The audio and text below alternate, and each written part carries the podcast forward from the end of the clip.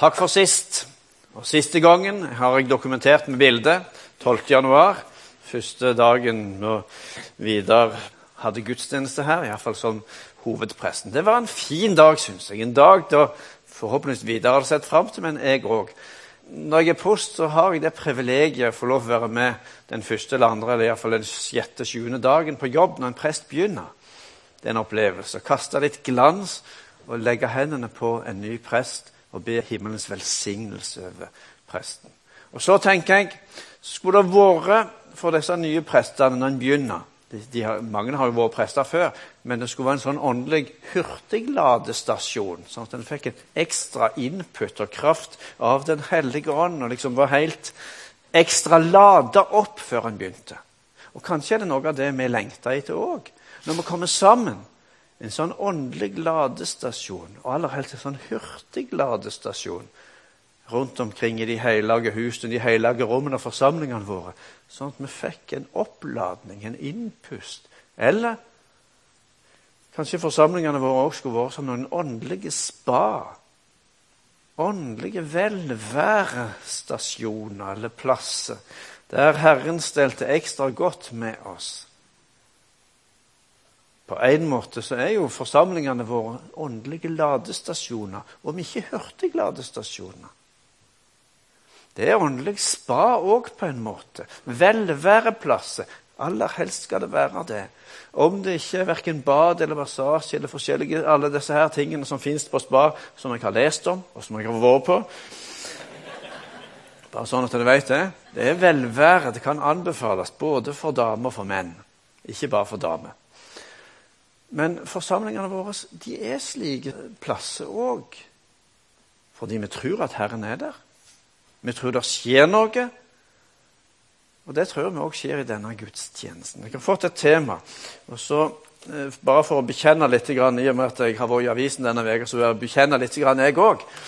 Jeg at jeg eh, så litt feil, så jeg forberedte meg først på emnet de hadde sist gang. Og så fant jeg ut, eh, snakka med Vidar her i veka. Da hadde jeg lada litt feil, så jeg måtte lade om igjen litt. Så, men det blir bitte grann av det som det hadde sist gang, og så kommer jeg inn på temaet om litt. Grann. Men tilbake til bildet. Jeg er glad for å være i bymenigheten. Og jeg velsigner bymenigheten og alt dets arbeid, for å si det sånn. Både fellesskap og arbeidet som det gjør. Og jeg vil gjerne fortsatt være med og velsigne arbeidet og tjenesten de har her. Og for at det ikke skal være tvil om hva prosten mener Jeg mener at bymenigheten både har vært og er til velsignelse for mange mennesker. Jeg mener at bymenigheten både har vært og er en plass til trening og åndelig vekst og modning. Og jeg tror at bymenigheten både har og skal og bør ha en viktig plass i Den norske kirka framover. Hvordan det skal se ut om fem år i forsamlingen og menigheten, ja, Der har jeg ikke noe profetisk budskap, verken fra Herren eller biskopen, eller fra bispedømmerådet eller fra Den norske kirke. Men jeg vil gjerne være med og gå noen skritt videre for at denne menigheten òg skal få lov å utvikle seg og finne sin vei videre. Og jeg vil være med og velsigne arbeidet. Var det tydelig nok? Det tror jeg det var. Ja. Nå kunne det stått applaus her, men det gjør det ikke men jeg er takknemlig for Jeg kan improvisere litt òg. Men la meg da gå et lite skritt videre. Om å vokse i modenhet. Så vidt jeg forsto, så var det det som var temaet sist gang. Og det er et emne som da både kan være irriterende, utfordrende og spennende. Det kan være irriterende på en måte fordi rett og slett det kan uroe og gå litt inn i oss. La oss ikke helt være i fred og fortelle at det er greit at du er der du er, og der kan du alltid være.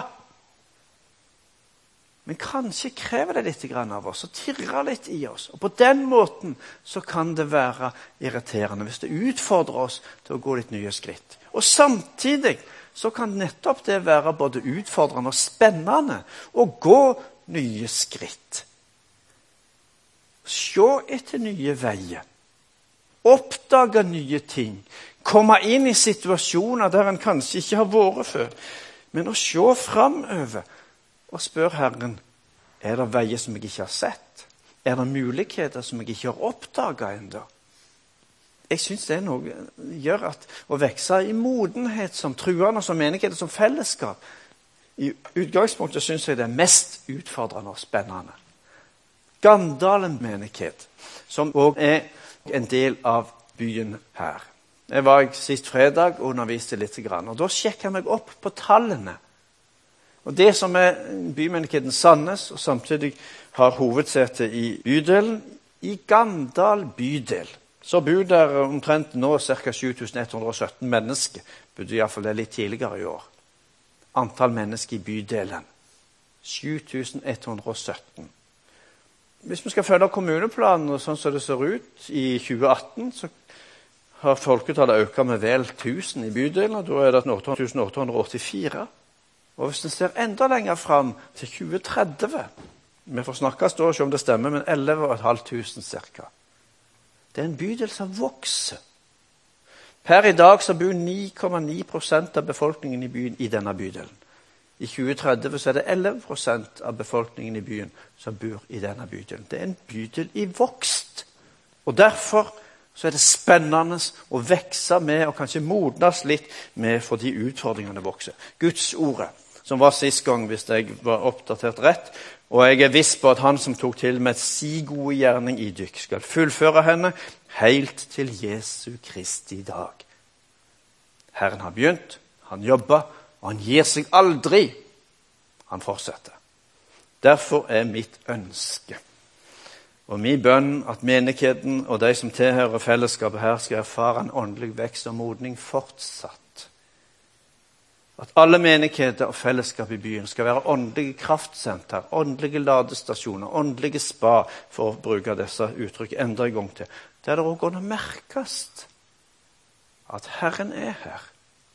Han arbeider med si ånd blant oss. Og at en aller helst òg skal få erfare Andens kraft og utrustning til tjeneste. Nådegavene er forskjellige, men Herren er den samme. Utrustningen er forskjellig, men Herren er den samme. Menighetene er forskjellige, men Herren er den samme. Kanskje er det ikke sikkert at vi følger denne kurven her, der en vokser, og så er en heilag nærmest på slutten, og så er en ja, iallfall inn i evigheten til slutten, da. Men vi holder fast på at å vokse og modnes som kristen Når Den hellige ånd får arbeide med oss, så er det ikke alltid vi føler en sånn stigende kurve. Men vi tror at Herren som begynte, han skal fortsette både i menigheten og i oss alle. Da må vi gå til Galaterbrevet om Den hellige ånd i mitt liv. Det ble lest noen vers. Og Sist søndag så preiket jeg faktisk over denne teksten. Og Da leste vi litt flere vers. Og for å ha litt av dynamikken og spenningen, så skal jeg begynne litt før vi kommer til den åndelige span og disse gode ordene med kjærlighet og glede og fred og langmodighet og alt det der. Jeg kommer tilbake til det òg ni om dagen.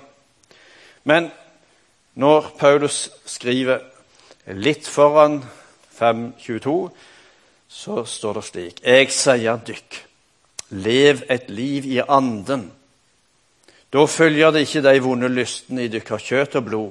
For det kjøttet vil, står anden imot. Og det anden vil, står kjøttet imot. De to ligger i strid med hverandre, så de ikke kan gjøre det de vil. Men blir det drevne av anden, da er det ikke under lova.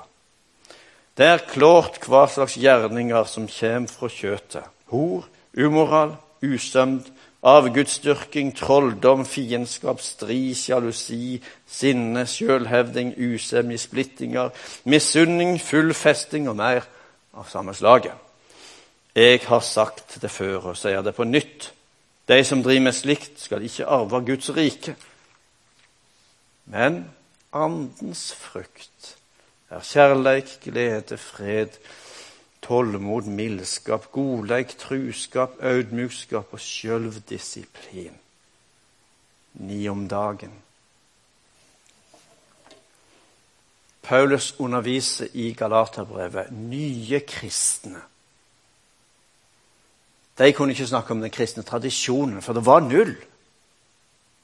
De var nye, de var ferske. Men de hadde blitt begeistra av Jesus, betatt av han, var noe med Jesus som hadde truffet dem, sånn at de ville tro på Jesus, de ville følge han, de ville tilhøre denne kristne menigheten, som var ny. Og som sagt null tradisjoner. Og det var så skjørt, dette nye. Og så underviser Paulus de, rett og slett òg fordi de gjør den erfaringen som alle gjør. Det er balansen mellom å følge Jesus og så er det de hadde lang tradisjon på, det var det gamle livet. Der hadde de årtusener av tradisjon. Altså balansen for å si det sånn, mellom driftene og åndens kraft og åndens virke. La meg bruke et litt annet bilde til å illustrere dette, som er våre kamper. Kampen mellom det gode og det vonde. Kanskje et litt naivt bilde, men det er noe av dette enhvert menneske enhver kristen erfarer. Det skjer noe inne i oss. Og vi er aldri så mye til de åndelige ladestasjoner, de åndelige spaene. Vi har vært kristne aldri så lenge. Dette er en del av det å være menneske. Dette er en del av det å leve. Det er som om vi har to stemmer. Paulus skrev noe om dette. Lev et liv i anden. Da følger det ikke de vonde lystene i dykkar kjøtt og blod. For det kjøttet vil, står anden imot, og det anden vil, står kjøttet imot. De to ligger i strid med hverandre, så de ikke kan gjøre det de vil. Dette er det normale for enhver kristen. Dessverre virkeligheten. Og Så kunne vi bruke forskjellige Det er kampen med ordene våre, makt og rus og seksualitet og penger og ting. Kampen for å holde fast på Jesus' true. Paulus underviser og veileder bl.a. om kraft og livspulsten fra Den hellige ande og de livgivende kreftene, næringen.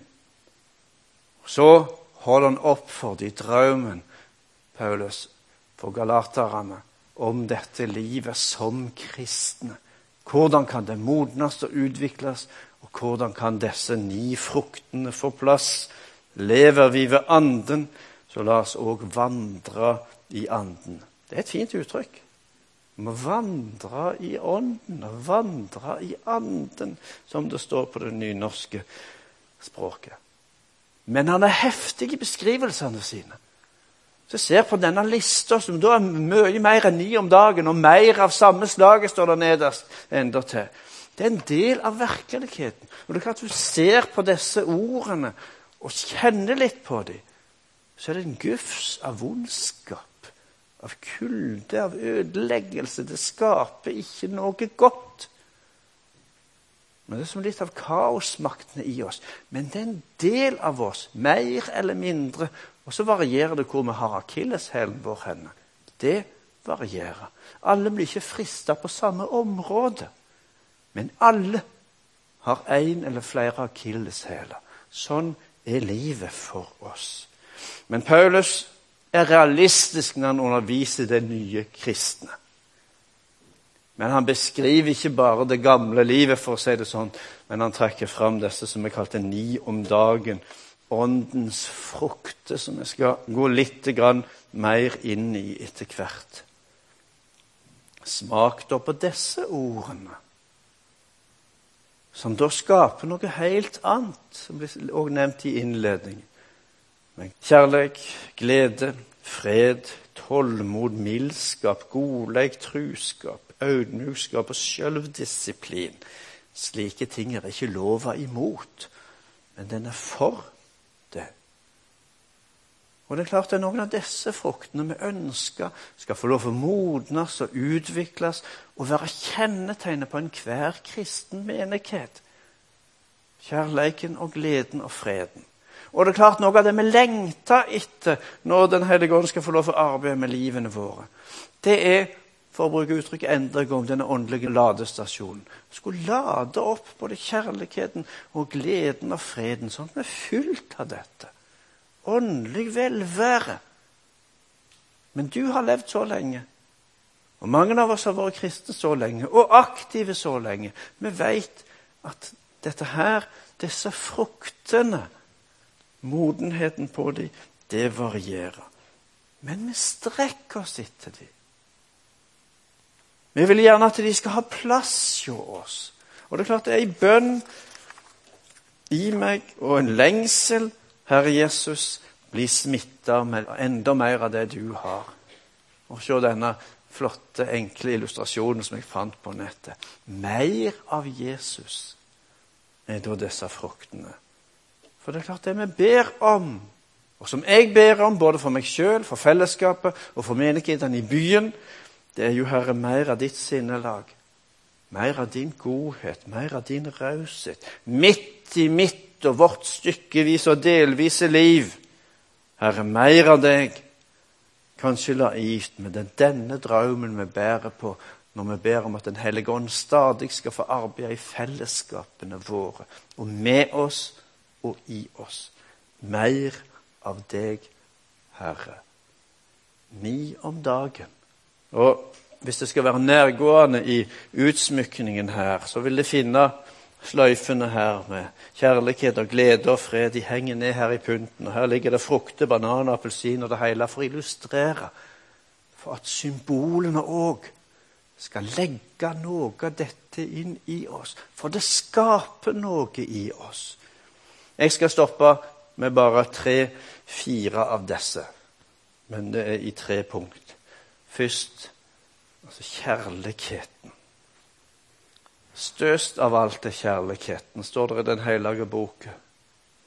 Og vi kunne kanskje føye til noen ganger at vanskeligst av alt er kjærligheten. For vi erfarer begge deler. Vi erfarer at kjærligheten er størst, men vi erfarer at kjærligheten er vanskelig og krevende. Ja, Det kjenner vi i familieforhold, i kollegaforhold og ellers. I de tetteste relasjonene så erfarer vi begge deler. Men så ber vi om åndens frukt, at kjærligheten som er både åndelig og praktisk og konkret, at den skulle få større plass i oss. Og Det handler ikke bare om de åndelige ladestasjonene, men det handler om det hverdagslige, alminnelige livet, som det òg er en del av. Bl.a. gjennom Godhet Gandal. Det er en demonstrasjon av kjærlighet og godhet. Kjærlighetshandlinger som da skaper noe. Det er litt av åndens frukt i livet, i hverdagen, rundt omkring i hager og hus og i møte med mennesker i bydelen. Det er åndens frukt, åndens første frukt. Og så er det òg noe når en snakker og prøver å undervise om dette òg på arbeidsplassen. Så enkel ting. Hvordan kjærligheten skaper noe. Gjennom dette enkle med å si god morgen når du kommer på jobben. Når en jobber med, med, relasjoner i jobbsammenheng, så er dette en av de sånne bitte små tingene. God morgen. Takk for i dag. Det skaper noe. Det er åndens frukt. Og det fungerer på det menneskelige planet. Og når vi prater masse om dette, om gode ord, om vennligheten, åndens frukt Fordi vi har møtt noe av Herrens raushet, så ønsker vi å dele videre noe av dette. Så om sjølbeherskelse sto det noe om. Og for å ta kontrastene om man mister sjølbeherskelse så er det ikke alle som vil kjenne seg igjen i dette. Men det er klart det kan bl.a. handle om sårende ord, om å anklage andre, om å bruke høy stemme, om å skjelle og smelle, om å skrike. Og noen som mister aldeles sjølkontrollen og slår. Akilleshælene er forskjellige. Men åndens frukt går på det å være sjøl beherska som da har noen av disse ordene. De skjønner at det her er bare noen små smakebiter. Men åndens frukt er ikke bare disse åndelige, svevende velværetingene. Det er den evige kampen som er i oss. Men vi ber om at Herren skal få jobbe med oss, prege oss, og for noen av oss så må vi jobbe med oss sjøl hardere, noen av oss på noen av disse her tingene. Men bare for å ta bitte grann. Så det siste som vi skal bruke litt grann tid på på slutten, sammen med en liten videosnutt, som går på godhet og tilgivelse. Og da har jeg lyst til å si det sånn Vi bærer alle med oss vår historie. Vi er historien vår, eller summen av alle historiene som kan fortelles om livene våre. For livet gjør noe med oss. Livene våre er sammensatte, og de kontrastfylte. De er både og. Og de av dere som jeg skal komme tilbake til det, men de av dere som har lest avisen, har òg sett denne uka om skriftestolen i både-og-huset. Når en har åpna den, så er det rett og slett fordi en er realistisk med livet. At livet er sammensatt og kontrastfullt. Det er både-og. Når vi er ærlige mot oss sjøl, så er det noen som vil oppleve at det kan være en god plass. Ikke for alle. Men jeg har vært litt opptatt av dette i det siste. Men det handler rett og slett om Andens frukt, og hvordan Den hellige ande jobber med oss òg på dette som går på godhet og fred, som det sto noe om. For de er linka sammen. Godhet og fred og tilgivelse, de henger sammen, disse åndelige fruktene. Og for noen er det hardt arbeid med ånden som andre menneskers hjelp.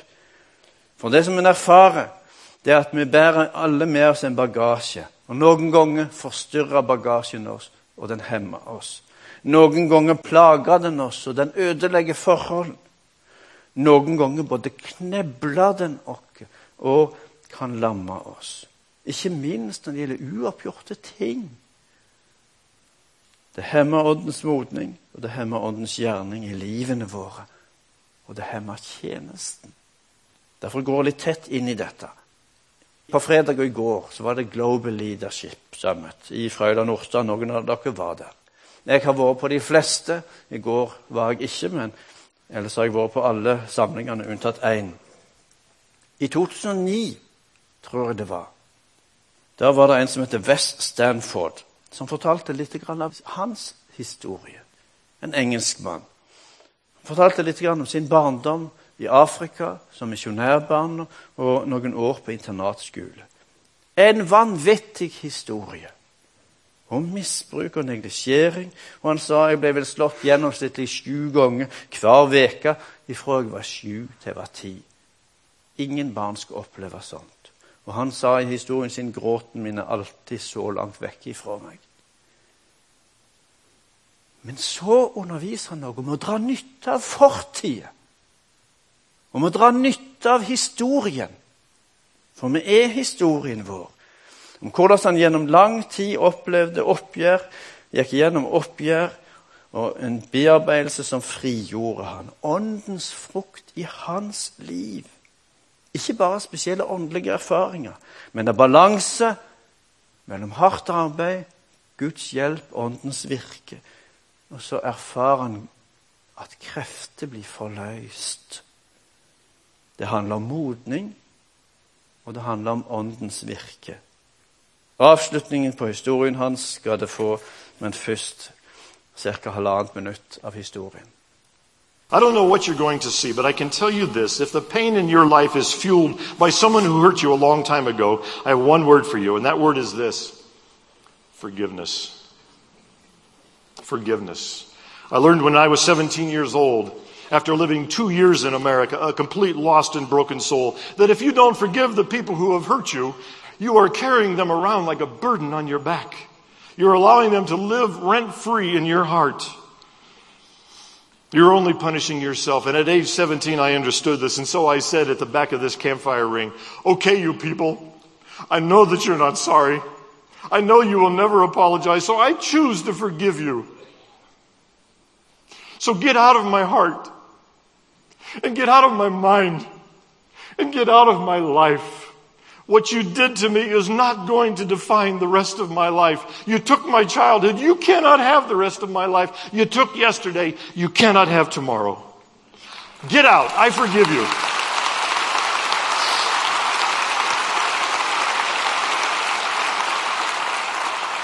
I can tell you this that forgiveness doesn't mean that you forget. But hear me clearly. You will not forget what you will not forgive. And forgiveness doesn't mean that it doesn't matter what happened to you. And it doesn't mean that the person shouldn't pay the consequences of that. And it doesn't mean that you have to reconcile and bring them back into your life. But what it does mean is you have to give up your right to revenge. Neil Anderson, in his book Victory Over the Darkness, said he's discovered in his counseling that unforgiveness is the number one avenue Satan uses to gain entrance into believers' lives. Unforgiveness is an open invitation to Satan's bondage in our lives. Oh, don't give Satan that kind of control in your life. Trust me, by God's grace, we can cut ourselves free and we can soar and we can be used in the kingdom of God. Well, that's my story. What's yours? Det var litt av hans historie. Hva er din historie?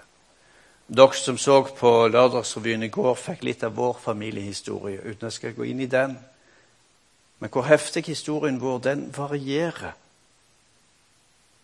Men uansett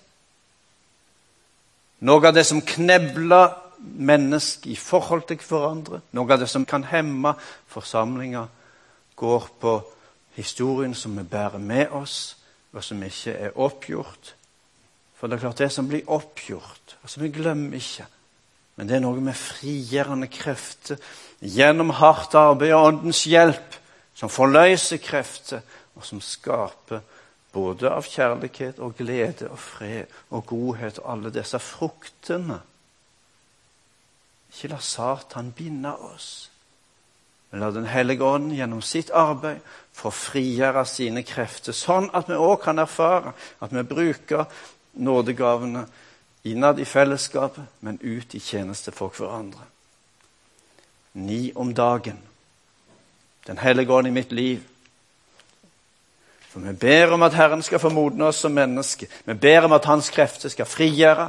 Og vi ber om en menighet som er preget av disse fruktene, som ni om dagen. Mer av Jesus, mer av Han, sånn at det merkes. At vi òg sånn sett gode spor i både i bydelen og blant menneskene som vi møter. Om å vandre i Anden. Så går det an å undervise på mange måter ut ifra dette temaet. Men det var dette det fikk i dag, på 28 minutter. Om å leve i Anden. Herre Mester, i dag takker vi deg for din Hellige Ånd. Ber om at den skal få lov til å arbeide i oss og med oss og gjøre sin gjerning. Herre, vi stiller oss nakne framfor ditt ansikt. Inviterer deg inn, Herre, og vi ber om La dine åndelige krefter arbeide i oss, og du, Hellige Ånd, fyll oss. Fyll oss med mer av Jesus. Fyll oss med mer av det som du kan. Herre, vi kjenner våre akilleshæler. Men vi bare ber, Herre, om at du bruker kreftene våre. Og så vil vi gjerne gå skritt sammen med deg til velsignelse for mennesket. Ber jeg òg om himmelens velsignelse ved bymenighetene, den fortsatt kan være et åndelig kraftsenter, Herre. Et åndelig spa, en åndelig ladestasjon, der du virker sterkt med din ånd. Herre, himmelens velsignelse og himmelens salvelse over oss alle i ditt navn. Amen.